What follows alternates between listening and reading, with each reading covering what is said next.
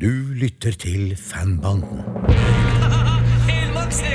Jeg har en plan. Er det farlig? Nei, Stella, du har Kjell. Jeg mener, det er vanskelig?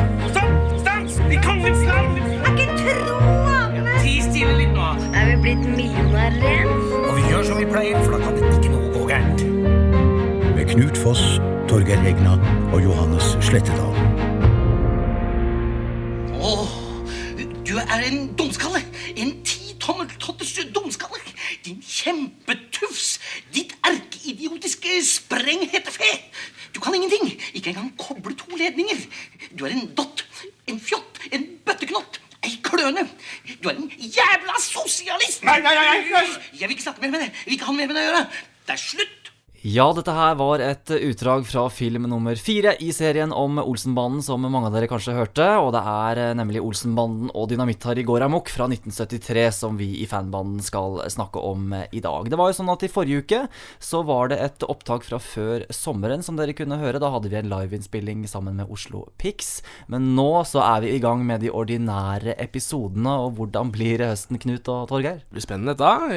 Vi gleder oss. Nå har vi hatt en god, lang sommerferie, så nå kan vi eh, oss. Ja, og det, det blir jo Altså, vi har jo vi har jo vært i kontakt med litt sånn forskjellige gjester, potensielle gjester som kommer etter hvert inn. Vi eh, kan jo starte som vi gjør. Vi har jo denne faste spalten vår da, der vi går gjennom filmen eh, veldig kort. Og denne gangen så er det du, Knut, som skal få ta oss gjennom handlingen til film nummer fire. Ja, for etter at et kupp på Colosseum kino går i vasken, mye pga. en forfylla dynamitt-Harry, så kommer Egon ut fra botsen. Men denne gangen så står ikke Benny og Kjell og vinker. Derimot en skamfull og nykter dynamitt-Harry. Kan du tilgi meg, Egon? Ja, det er klart jeg kan tilgi det. For Benny og Kjell de har gått over på den smale stien, og behøver ikke lenger Egon, for de har funnet sin jobb i en kolonial, og Benny har truffet sin utkårede Ragna. Ja, men du, Det må være noe gærent her, Benny. Mm? Det er jo fem billetter her, og du, Ja. du sa jo at det var jo bare oss to som skulle reise. Nei, nei, nei, men hør nå her, det lille trulta mi. Vi må jo ha med Kjell. Og Valborg Bass, ikke sant? Vi må jo ha noen å snakke med også. Hva skal vi ellers gjøre på Mallorca i 14 dager? Men lykken den snur fort for de, og Egon må redde de ut ifra soning på Botsen. Og når banden da er samla, ja, da har Egon en plan. Jeg delte nemlig celle med den advokaten pengehaiene kvitta seg med fordi han visste for mye. Og det han visste, det veit jeg nå. Filmen byr på Hermansen, som denne gangen jakter pengehaier. Fire pengeskap, ett av de Frans Jæger. Pengeskap? Ja, en gammel modell fra Frans Jæger i Berlin. Dere kan jo ikke engang åpne et pengeskap. Men er det noe pengeskap der? Valborg under høyfjellssol. Og så må jeg jo sole med. Kan ikke reise dit ned som er skrelt nepe. Og en nedfrossa Egon. Snakk med dere kald og rolig, ja. Skynd deg før jeg får neglesprett.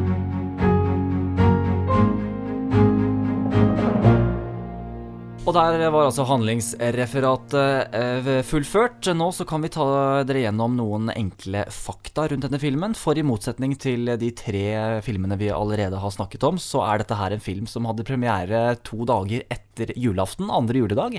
Ja, det stemmer. Det, det, det de går litt utafor det vanlige mønsteret med å spille inn på våren, har vi skjønt her. Ja, dette her er litt av at eh, danskene spilte inn sin Går amok samme år. Så de hadde jo også premiere på høsten, vil jeg tro. For det er altså sånn at filmen den hadde premiere 26.12.1973, andre juledag. Det var første julefilmen blant i Olsenmann-universet. Og filmen den omsatte for ca. 400 000 kroner mer enn forgjengeren Tar gull, nemlig 3,1 millioner. Og Knut Bovim han eh, er fremdeles ved regiansvaret. Og så er det sånn at denne filmen den fikk jo faktisk Det er, det, det er den Olsenbande-filmen som har det høyeste besøkstallet av alle 14 filmene. Hvor mye var det, sa du? Nei, jeg vet ikke akkurat hvor mange som så filmen, men den omsatte for 3,1 millioner, og det sies at det er den filmen som har hatt flest besøkende. Og det er jo Det må jo si litt om filmen, da. Ja, og, og så sier det jo litt om uh, hvor populært det var. Fordi at det er jo vel ofte de forrige filmene som trekker folk. Ja, og serien hadde absolutt eh, nådd, nådd sin høydare på, hos publikum, da. Som, eh, som begynte å trykke Olsenmann til sitt hjerte. Og eh, Dynamitt her er jo tilbake. Det, Ja, vi for har det- snakket om det tidligere. For det er kanskje en suksessoppskrift, nemlig at her har vi toppet trumpet alle faktorene som kan gjøre at Olsenbanden makser besøkstallen, nemlig at, eh, nemlig at blant andre Harald Heide Steen jr. er med. Ja.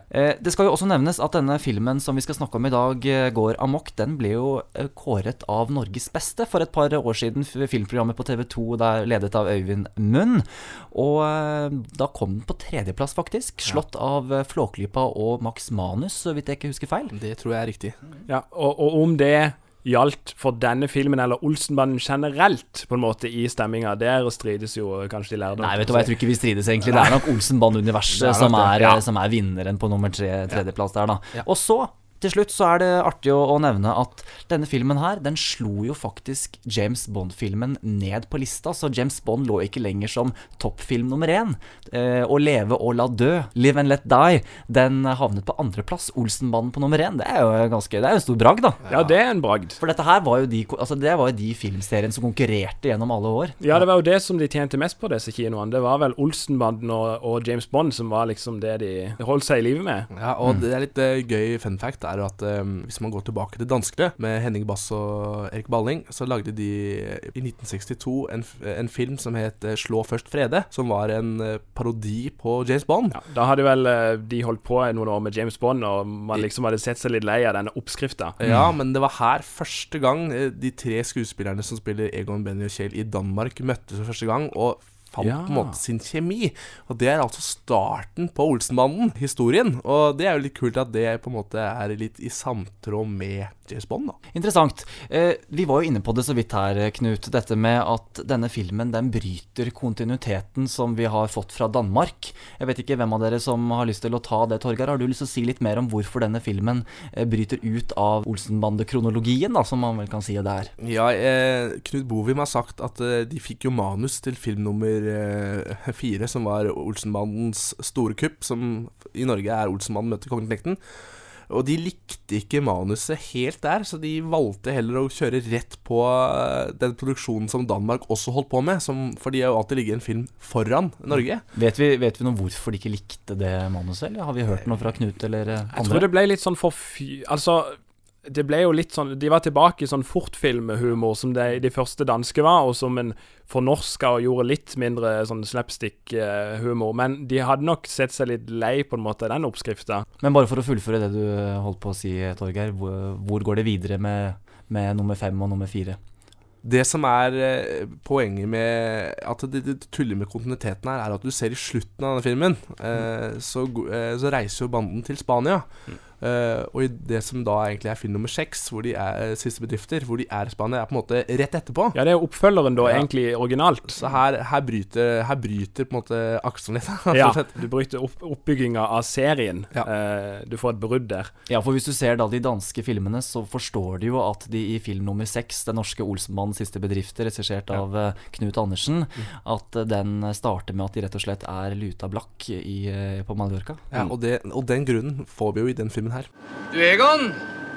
Du, eh, åssen er det med deg, ja? Ha, har du mye gryn? Er det der, jo. Ja, ja, men da skulle vi jo greie oss, da, så billig som det er på Mallorca. Billig? Nei, nå har vi råd til kostbors, så nå skal vi slå hæla i taket. Så er det bare det, Egon, at det er et par småting vi gjerne skulle fortelle deg.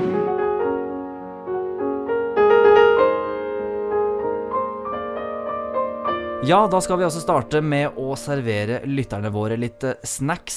For som eh, vi ser i starten av filmen, så er det altså på Colosseum kino på Majorstuen at de eh, starter. Og hva er det som utspiller seg der? Nei, altså, de, de presenterer jo denne planen om å ta Colosseum, og så, og så kommer denne kommentaren om at det er jo ikke noe penger å hente på kinoen. Og det var jo et lite stikk til, til kinoen, fordi, fordi da svarer jo Egon Ja, men noen kinoer går bedre enn andre. Og på Colosseum går det flott. Og der sikter du jo til Olsenbanden. da. Ja, og Team Film sine produksjoner. Ja, ja. som, som brakte penger i kassa. Ja, og det er, jo, det- det er jo en teamfilmproduksjon som òg er satt opp på kino eh, under dette kuppet. Ja, vi ser jo reklameplakater for Kjære lille Norge, Ja. en film som Teamfilm hadde i sin, eh, sitt kartotek. som Og som Elsa Lysta og Arve Oppsal spiller i. Ja. Og Solfrid Heier òg, for øvrig. Ja. Og den filmen eh, må ha jo- må ha gjort det veldig godt, for den hadde altså premiere 17.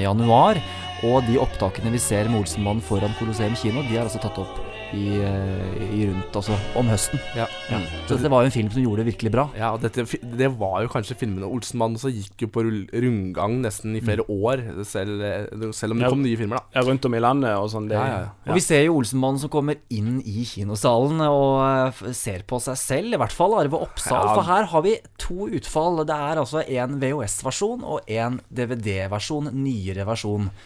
Ja, her har det skjedd noe i miksen, rett og slett, når de skulle mikse ut eh, DVD-utgivelsen. Eh, Her har de enten mista noe underveis, eller så har de lagt på bare for å Eller så finnes det flere kinokopier, og de har liksom brukt på en måte Ja, skal vi si feil kopi. For det er altså Den versjonen jeg vokste opp med eh, da jeg var liten, da er det sånn at Egon og Kjell De sniker seg ut på toalettet under visninga.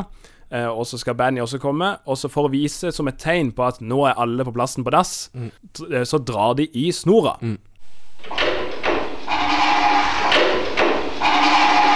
Da DVD-versjonen kom, så hørte man ikke dette. Det er bare et klipp der de panorerer langs dassen. Og, så kommer, ja, kommer de bare plutselig ut. Hva? Eh, Sier Egon. Hva er det som skjer? Ja. Men det tenker jo vi som ser òg. Hva er det som skjer? Hvorfor går de inn på dassen, venter ti Ja. sekunder, går ut igjen? Hva er det som skjer? Så hvis dere ikke har sett VHS-versjonen og hørt disse klippene der man faktisk hører at man eh, drar ned i toalettet, da gir det klippet veldig lite mening. Ja, det gjør jo det. Ja. Det er sant. Og ikke nok med det, det er enda en scene i, denne, i, det, i dette åpningskuppet. Ja, og dette her er jo Nå går Olsenbanen inn metaverden, rett og slett. Altså, fordi eh, Nei, Benny sitter jo i salen fordi han syns han eh, sinna mannen på skjermen er så morsom. Og det er jo et veldig klassisk revynummer fra Arve Oppsal. Ja. Som på mange måter kan minne om Egons triader. Ja. Og det syns han er veldig gøy. Så det er jo litt funny, da. Så Ja. det at de har tatt bort det, syns jeg egentlig er litt synd. Ja, for i, i, igjen, i eh, originalen som vi vokste opp med, på VHS, så hører du, hører du denne monologen. Ja, hvor er det blitt av alle kjøtthuen og idiotene her i landet? Se på han der kulturelle vidunderbarnet Bjartmar Gjerde. Han har jo ikke driti seg ut en eneste gang, han jo. Unnskylde meg, men jeg syns det var så moro med denne sinna mannen. Tull! Jeg har viktigere ting for det. Og det vi hører der, det er jo at Benny kommenterer på at ja, det var så gøy med denne sinnamannen. Men det får jo ikke noe punch når det i DVD-versjonen bare høres sånn ut.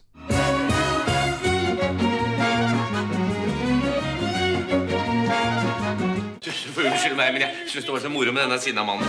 Tull! Jeg har viktigere ting for det. Det gir jo ikke samme effekt.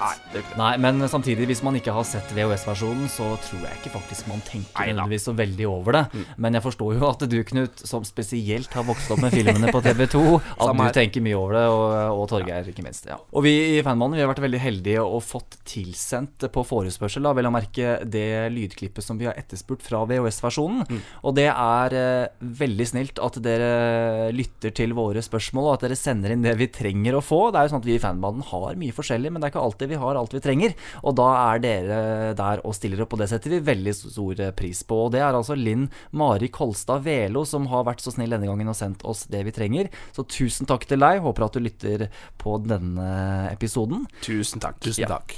Rolig nå, Harry. Ready for action. Sett i gang! Ja, og eh, nå kommer jo Dynamitt-Harry inn igjen i universet, og det liker jeg, da. Og nå er han jo virkelig funnet Harry-karakteren, syns jeg. Mye mer jovial. Ja. Eh, ikke, ikke så nitrist, selv om han er litt innom det senere òg. Men det er jo han som ødelegger hele kuppet her, og det er jo liksom startskuddet òg for, for åssen vi møter han når Egon da kommer ut av botsen når dette kuppet går skeis. Kan du tilgi meg, Egon? Ja, det er klart jeg kan tilgi det. Takk, Egon. Takk. Jeg har hatt det fælt, jeg. På åtte måneder har jeg ikke rørt en dråpe. Jeg har hatt samvittighetskvaler. Jeg har hatt alt mulig rart. Jeg har hatt så for... Ja, og han ser jo ganske annerledes ut enn slik vi så han for ett år siden, da han eh, var, eh, var assistenten til Madsen på, på Sørlandet. Hva er det som har skjedd med Harald eh, siden sist gang vi så han? Ja, han har jo eh, Altså, helsa hans svikta på, fordi han uh, festa for mye. Mhm. Men han ble sylt inn og overlevde heldigvis, eh, og det ser man jo tydelig i Tar gull. Men nå har han begynt å få litt pondus igjen. Og, Ja, men Sine altså, normale proporsjoner. ja, og humoren, er, altså spillestilen og, og hele figuren er jo på plass med en gang, altså. Og han eh, vil jo helst eh, aldri ta pils inn i sin munn igjen, og det er jo ganske interessant, fordi at etter denne filmen her så drikker han jo faktisk ikke pils før i bilen med Aud Schønemann i siste film, Ja. når han eh, tar fram lommelerka. Ja, Så han er jo egentlig totalavholdende fra denne filmen og ut. Ja. Enten går pilsen ut, Eller jeg! Du får Harry ha det, du, da. Det er veldig det, det som er kult med Hvis man ser på eh, Harry versus eh, Harald eh, Fordi de deler jo på en måte litt samme skjebne. For eh, Harald også måtte jo prøve å legge vekk eh, godsakene. Men apropos det, apropos det å ikke få smake på noe godt, eh, de kommer jo hjem. eh, Da, da har jo Etter den, det møtet med, med Dynamitt-Harry foran botsen, så kommer jo Egon hjem til Valborg. Ja. Og da kommer jo Benny og Kjell etterpå. Ja. Og da er det ikke pils de drikker, da er det kaffe. Ja, og så er det ikke samme stemninga. Altså, det er, det er, jeg syns det er en fin scene vi får her, hvor Benny og Kjell egentlig ikke er interessert i å ha besøk av Egon, for nå har de det så greit. Ja, de har det så bra. Og Benny har på en måte blitt veldig selvstendig. Mm. Kjell er litt mer sånn dilter. Og jeg byr på egen produksjon. En ekte fjoseknert direkte fra dypfryseren. Ja, det, det, er liksom det siste, det nå. Med banansmak. Må jeg så få lov til å by deg, Olsen, på en liten sigar. Vær så god. Akkurat som i gamle dager, Egon. Og se her. Hva far fisker opp av innerlommen. Billetter til Mallorca. Venninne! Avreis om ti dager til Palmer og grisefest. Og om ti dager, nei, det klarer jeg aldri. Altså, jeg har ikke en tråd. Ti noe still, du, Håvard. Du tar av deg alltid best uten, Nei, uten klær, du? Eh, Han gir jo til og med litt ukelønn til Egon i en periode der, en tier. ja. Det er alltid velkommen til vårt hjem og Kjells litt, og Den er veldig fin. Og som, også, vi, vi, vi hører også Men likevel, eh, banden, og spesielt Aud, eh, eller Valborg, da, har jo omsorg for Egon. Vi hører jo her. Det er så mange som tar seg av sånne som deg, så det er sosial, Ja. og det er hjem og Ti still! Nå vil jeg ikke høre mer. Her kommer jeg med en plan.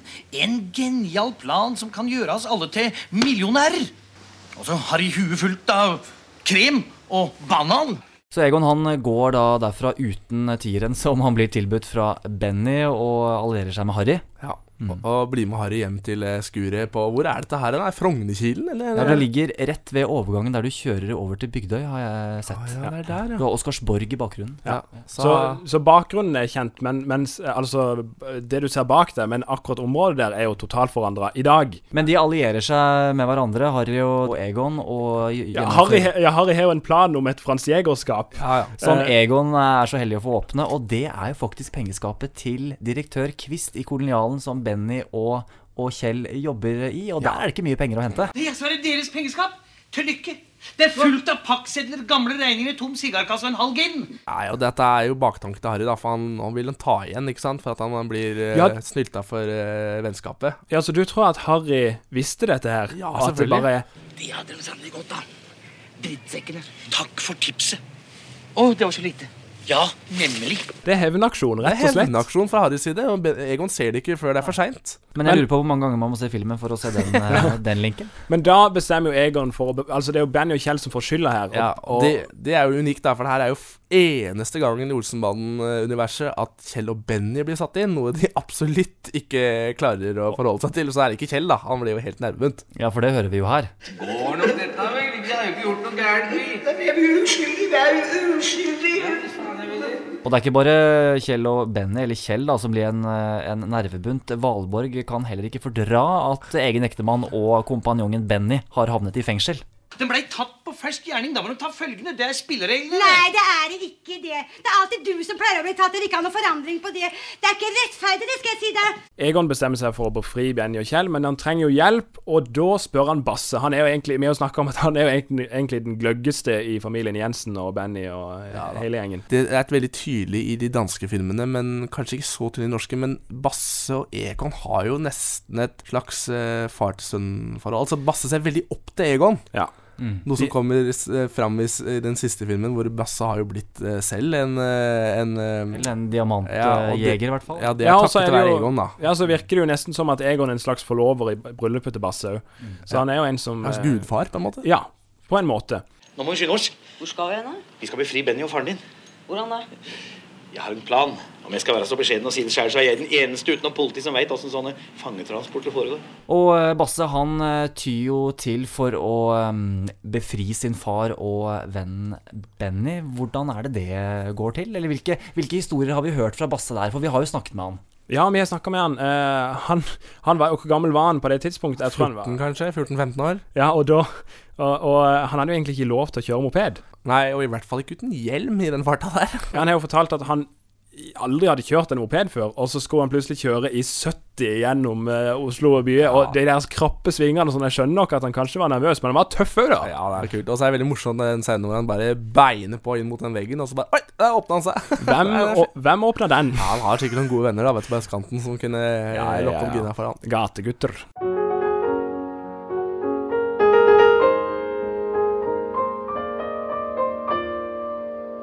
Vi skal snakke om filmens karakterer, og jeg har lyst til å starte med Benny. Han stiller i denne filmen uten bart. Ja, tilbake til eh, gamle dager, holdt på å si. Litt yngre. Og, eh, men absolutt finne sin form, eh, vil jeg si. Og ikke minst uttrykket sitt. Helmaks, Egon. Det er interessant, for her har vi endelig helmaks på plass. Men det som er interessant, er er det Dynamitt-Harry, eller er det Benny som sa helmaks først?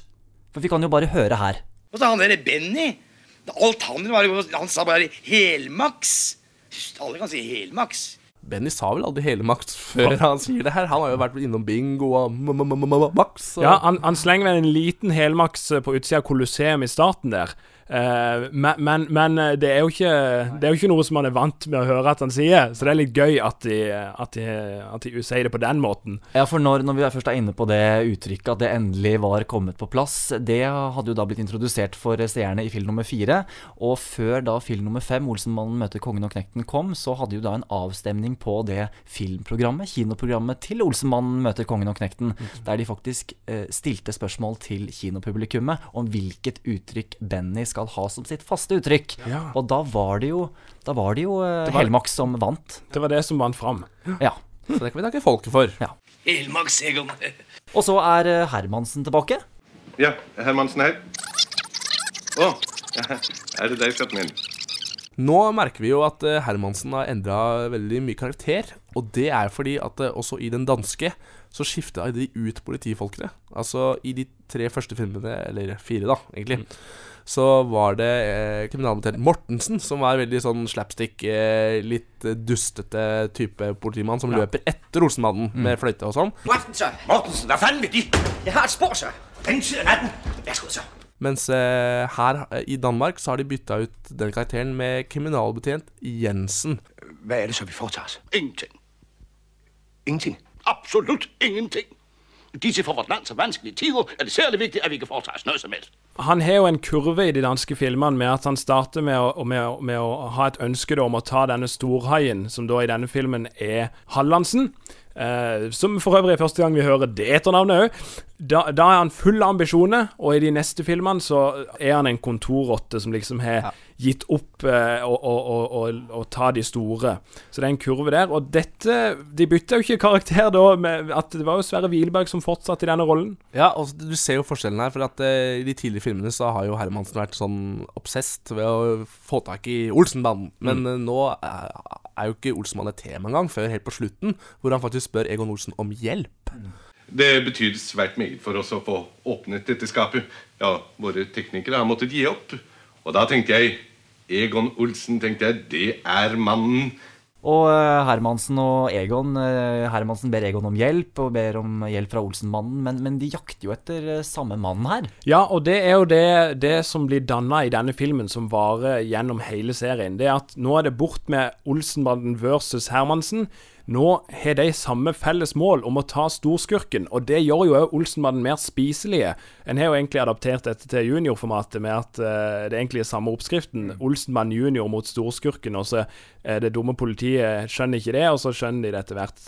Her skjønner jo for øvrig politiet hva det går i, men uh, det er samme felles mål. Ja, Det er sånn at alt Olsenmann tar alltid støyten for de store skurkene. Ja. Vi må snakke litt om eh, Henry Hagerup, som spiller herr Kvist, altså leder av dette supermarkedet. Det er jo veldig interessant. Vi får jo for første gang blitt introdusert for et ordentlig norsk klassisk supermarked. Ja, eller kolonial. Kol som- kolonialen, som det heter. Men, men hva kan vi si om Kvist? Han er jo tilbake. Han spilte jo eh, denne tyske kommissæren med keiseroppsatsen i film nummer én. Nå Ja. er han tilbake som kjøpmann. Ja, Han hadde jo en nydelig aksent for øvrig i den første filmen. Ich muss sofort nach Bonn telefonieren. Nur ruhig, Herr Botschafter. Es wird alles in Ordnung. Hoffentlich, Herr Polizeiüberreichskommissar. Ja, Han er eh, tydeligvis kjent som å være en av Oslos siste bohemer, da.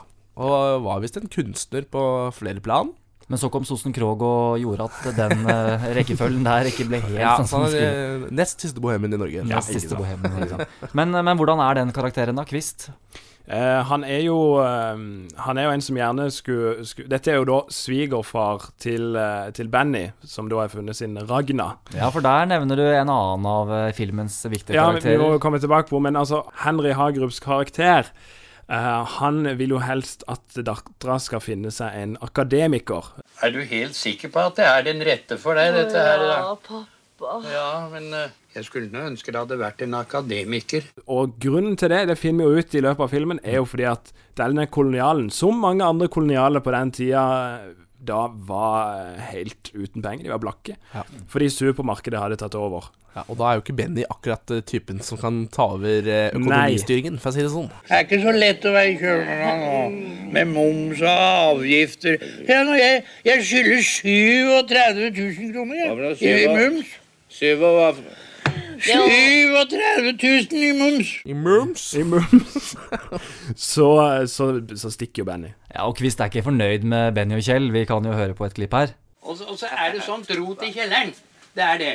De, de flaskene skulle vært fylt og, og, og etiketteres. Ja, ja, ja, men kan du ta det litt sart, altså? Ja, ja, ja, det er- Slapp av, Kjell og jeg. Ta, du hører her, Kjell og jeg, vi fyller opp de flaskene og ordner alt det Mara. Ja, det sa de du i går, og det sa du i dag, og det Ja. sier du sikkert i morgen også. Men det er jeg som bestemmer her i huset. Det er jeg, ja, det, det, det kommer noen kunder. Ja, fordi dette her er jo en litt unik film, gutter. Fordi dette er vel kanskje den eneste filmen foruten film nummer én at det er Bennys privatliv det går utover.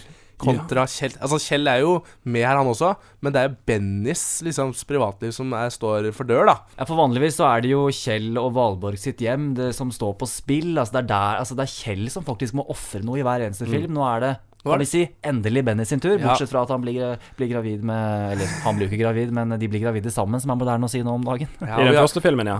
Og vi har snakka med Solfrid Heier, og hun mener at eh, de flytta jo til Lambertseter, så der bor eh, Ulla den dag i dag. Ja. Eh, Ja, for hun kunne jo avsløre Nå ble det litt mange klipp fra film nummer én, men hun kunne jo avsløre i slutten av film nummer én at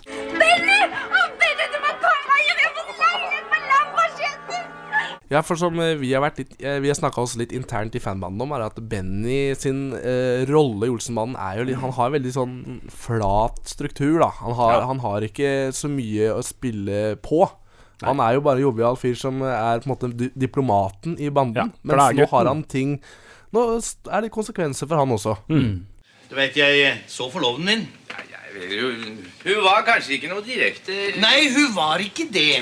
Ja, ja, ja, men da, du må da innrømme det at ellers så var det jo øh, ålreit. mm, eh, Hva kan vi si om eh, Ragna og Elsa Lystad, Torgeir? Nei, eh, det er jo ikke så stor rolle, men eh, Elsa Lystad er jo en glimrende skuespiller, da. Mm. Som mm. har vært det helt til den dag i dag. Nå er hun kanskje ikke så aktiv lenger, men eh, Karakterbeskrivelsen er jo lite appellerende kvinne. Ja. Også, og det, det at hun, hun spiller det på en veldig god måte altså det er jo, det, Mange kunne jo blitt fornærma med å få den rollen, liksom. Ikke sant? Eller sånn. Men hun spiller det så bra. Ja. Og hun går, eh, hun går veldig lett fra det å være veldig forelsket i Benny, Er det ikke skjønn? til å, til å lett bli skuffet når eh, hun ser at det er her Benny og Kjell som står i kjelleren og har angivelig brytt seg inn i pengeskapet til Kvist. Parakvitt uhyre! Du stjal de beste årene av mitt liv! Jo da, det har du gjort! Kanskje dette er pre- prehistorien til eh, Oddveig i Fredrikssons fabrikk, hvor hun fant en som het Geir Ove isteden, og ble helt skikkelig sur. For er Men var veldig- Geir Ove Universet ekspanderes. Ja. Men var Geir Ove en akademiker? Det tror jeg ikke. Tviler jeg sterkt på, det virker Men ikke sånn. Helt til slutt så skal vi bare nevne hun som holder eh, karene i tøylene, Aud Schønemann i rollen som Valborg. Eh, Har hun forandret seg siden film nummer tre? Men hun er jo vel så mye seg selv, på en måte. Men hun, her dyrker de fortsatt at hun er veldig opptatt av hvordan man kler seg. Jeg kan tro at Ja, ti stille litt nå. Og nå skal det jo sydover, og hun kan ikke se ut som ei skrelt nepe. Så hun er veldig opptatt av eh, hvordan eh, hun, eh, Hvordan- Hennes uttrykk, da, på en måte. Ja, hvordan hun blir sett på utenfra. At Ja. ser at hun ser, tar seg bra ut.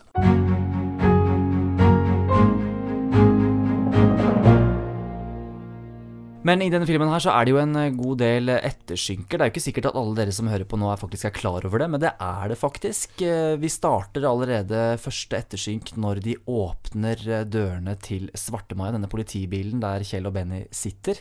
Og da er det da den eldste politimannen til høyre som vi ser. Der hører vi Knut Bovim sin stemme. Ja da, det her er jo kanskje første gang i filmserien at du hører Bovim Bovin dubbe andre mennesker. Og det skjer jo utover i filmserien. Der ser du, det er ingen som har stikket her. Ja, men Vi fikk jo melding, jo. Ja, Men det er tullet. Ja, Det viser jo litt sånn størrelsen på teamfilm. holdt jeg på å si At de var På, som, på senhøsten da så var de i Danmark og gjorde etterarbeidet, og så tok var det mye Det var jo De var i Danmark, så det var vel få nordmenn som kunne steppe inn. Ja, og eh, For å snakke litt filmteknisk, da, vi som har jobba litt med film.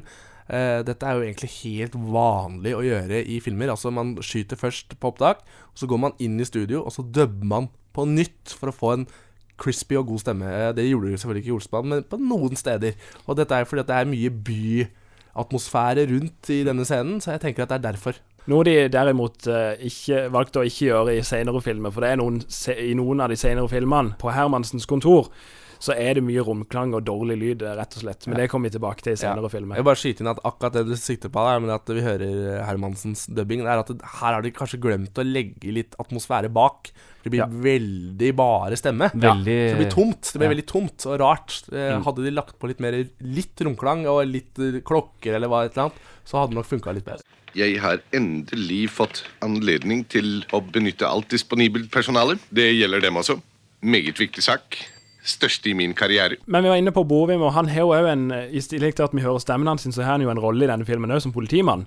Eh, det er han som kommer med morgenkaffen og morgenmelk til, til Hermansen. Så var det morgenkaffe. Kriminaltjeneste. God morgen. Og ikke, ba, ikke bare der, han sitter også og lytter til Hermansen sin gjennomgang av hvor Hallandsens kontor er, og diverse. Ja, ja, men det, det gir mening, for han er jo politiansatt. Men det er jo en annen eh, mann bak eh, produksjonen her som het Alan Ausby. Produksjonsleder. Ja, og han er jo med i tre forskjellige roller her. Først er han jo i publikum i kinoen, og så er han politimann. Og så er han jammen meg vaktmann hos Hallandsen også, så Ja, han spiller jo både skurk og purk. I fryselageret der. Men han, jeg så på IMDb at han heter så, så, såkalt assistant director, men det er kanskje produksjonsleder på norsk? Ja, ja. det, det går vel som det. Ja, ikke. det går det vel som. De hadde få folk og dårlig tid og brukte de folkene de hadde. Ja, eh, vi har jo eh, Vi har jo gravd i masse gamle avisartikler ikke sant? for Mm. å finne research til dette her. Og, og det viser seg at eh, VG var på plass under produksjonen, altså under innspillingen av denne filmen. Og denne artikkelen er datert eh, onsdag 17. oktober 1973. Og da kan Arve Oppsal eh, fortelle at eh, denne innspillingen har foregått på både natt og dag til alle døgnets tider, fordi alle var så opptatt med forskjellige ting på hver sin kant. Ja, for- Så det kan også havne i at eh, hvorfor ting har gått litt fort her. Ja, for vanligvis så spilte de jo inn på sommeren, fordi, eller starten av sommeren. Fordi de, da var det litt roligere hva gjelder revyoppsetninger og den slags. Men her så tok de det jo midt i sesongen, på høsten der. Så en skjønner jo at det, eller så sånn, det går opp i huet mitt da når jeg ser filmen, for det er, den er litt røff, denne filmen her, syns jeg. Ja, men det er veldig fint det Oppsal uh, sier i slutten av intervjuet, da, er at han uh, Men vi gir alle litt ekstra for Olsenmannen, for vi vet at folk elsker det.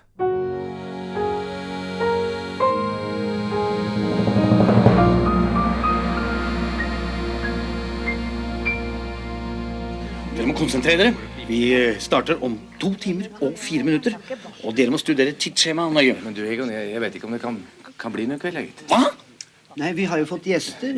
Faen, vi, vi kan ikke bare stikke av på den måten der. Kan, kan, kan ikke det? Det er jo ikke danna, det.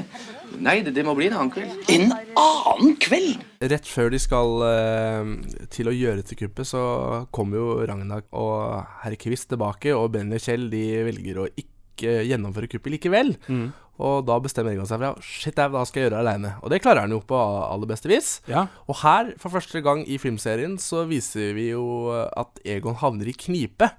Og hvor Benny og Kjell må hjelpe han ut av knipa. Ja, vi så hinta de tar gull eh, med at de redder han fra Rico eh, og, og litt sånn, men eh, i større grad nå. De tar jo et veldig ansvar da når de Mm. henter Harry for å sprenge han ut fra fryselageret. Og så Å, shit, der var det politi, så finner de ølbilen isteden. Og, Så de kan bruke huet sitt, de også. Ja, og i denne filmen så er det jo selvforskyldt uh, at Egon uh, at Egon kom i knipe. Men også i senere filmer så får de inn det at det er Biffen da som tar rotta på Egon og så redder Benny og Kjelland. Så dette er liksom første hint av det, da. Ja, og akkurat så er det jo altså, Det er ikke Biffen som tar rotta på Egon. Her er det jo faktisk Alan Ausby som tar rotta på Egon. For det er jo han som låser han inne i Ja. fryselageret. Det er jo han som trykker på denne knappen som, som Benny faktisk ikke legger merke til. Så det er produksjonslederen. Ja. Kult. Så, men ja, tilbake til eh, fryselageret. Så skal de jo sprenge han ut, og de putter jo Harry inn i ølbilen. Det er en veldig fin scene. Og han er jo omringa av sin verste fiende der og da. Nei, hjelp! Jeg kan ikke gjøre noe! Jeg kan, kan ikke gjøre noe! Hjelp! Hjelp! Men eh, finner ut at det blir hans beste venn på vei ned. eh, Og kommer ut som den gode, gamle Harry igjen. Alvorlig talt, ta deg sammen, da. Dette er viktig, dette er Ja, kjempeviktig. Slapp av, gutter. Ta det med ro. Det er ingen grunn til panikk. Da er det ingen problem for han å sprenge denne veggen. Og når veggen er eh, åpnet eh, av selveste Dynamitt-Harry, så kommer jo da eh, Egon ut i ganske stiv form, kan vi vel si. Nedfryst. Det er jo ikke Arve Oppsal, det er en dukke.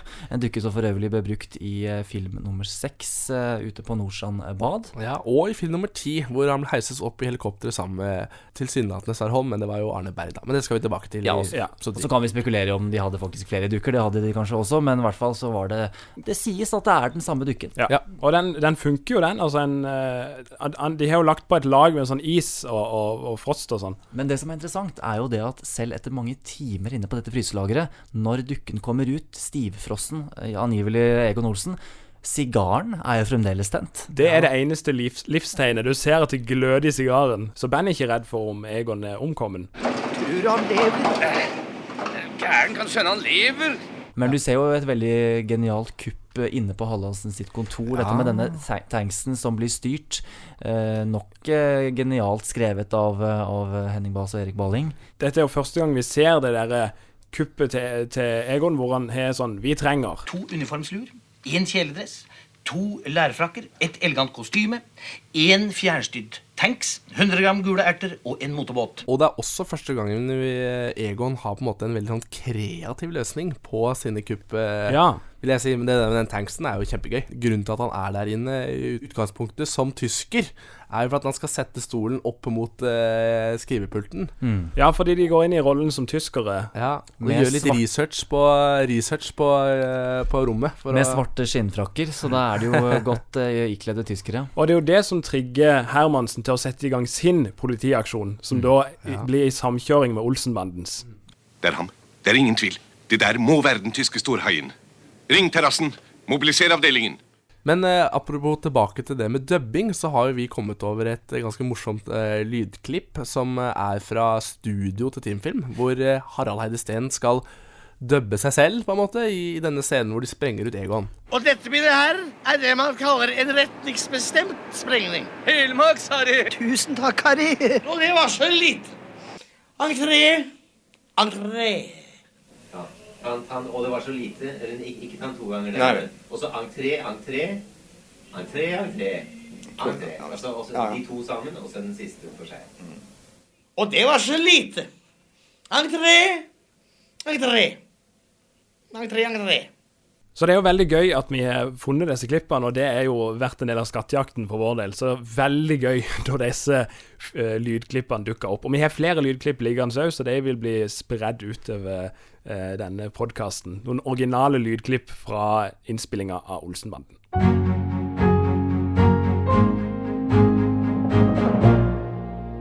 Ja, det var ikke flere bakomhistorier vi hadde akkurat uh, om denne filmen. Uh, som ble i hvert fall denne episoden av film nummer fire. Men det gjenstår jo én fast spalte, da, Torgeir og Knut. Og det er å gi filmen hvor mange bowlerhatter vi synes den fortjener. Og eh, jeg starter med deg, Torgeir. Kan du begynne å, å si litt hva du, hva du tenker om filmen? Det er jo en god film. Det er jo startpunktet på den Olsenbandens eh, røde tråd som vi kjenner siden. Jeg syns kanskje det er Dynamitt-Harrys sterkeste film. For han har nok eh, mest plass i denne historien. Men utover det så ja, Jeg vil legge lista Den er helt fin. Den er mye gode sitater der, men jeg tror jeg må legge meg på en firer. Altså. På en firer. Fire bowlerhatter. Av ti. Fire av ti bowlinggater. Fint at du påpeker det, Knut. Ja, eh, det- For, di- for din del, da. Ja, jeg er litt inn på samme, samme leia der, altså for at uh, du har den røde tråden. Uh, samtidig som jeg har vært inne på, så er det en veldig røff film, syns jeg. Du merker at her har de hatt vel, de, hadde, de hadde jo alltid dårlig tid Bolsmann, men her har de hatt veldig dårlig tid, virker det som. Uh, selv om du har veldig mange gøye elementer. Altså sånn der, Det er ikke sånn at de har gått ned på De har ikke gått ned på ambisjonene, men det merker du litt i, i hva du får òg, da. At alt sitter ikke 100 eh, Merker kanskje litt òg det Altså, når jeg hørte om at skuespillerne jobba med revy på dagtid, og spilte inn dette her på kveldstid, så merkes kanskje det litt. Men som en Olsenmann-story så, så funker den, men utføringa er ikke 100% så jeg, på, jeg ligger òg på firer, altså. Fire av ti boblehatter. Jeg syns eh, filmen er eh, den, den, fester seg ikke så veldig. Før vi skulle spille den podkasten her, så måtte jeg se opp filmen, fordi at jeg husket ikke filmen så veldig, veldig godt. Det er kanskje den filmen jeg har sett færrest uh, ganger. Igjen, da, jeg er enig med deg, Dynamitt-Harry står veldig sterkt i filmen, men jeg synes, den, jeg synes den er ganske sånn platt, selv om som du også var inne på, Knut, kuppene i, i, i seg selv er jo veldig geniale med, med tanks og, og, og diverse. Jeg ender nok også på en firer.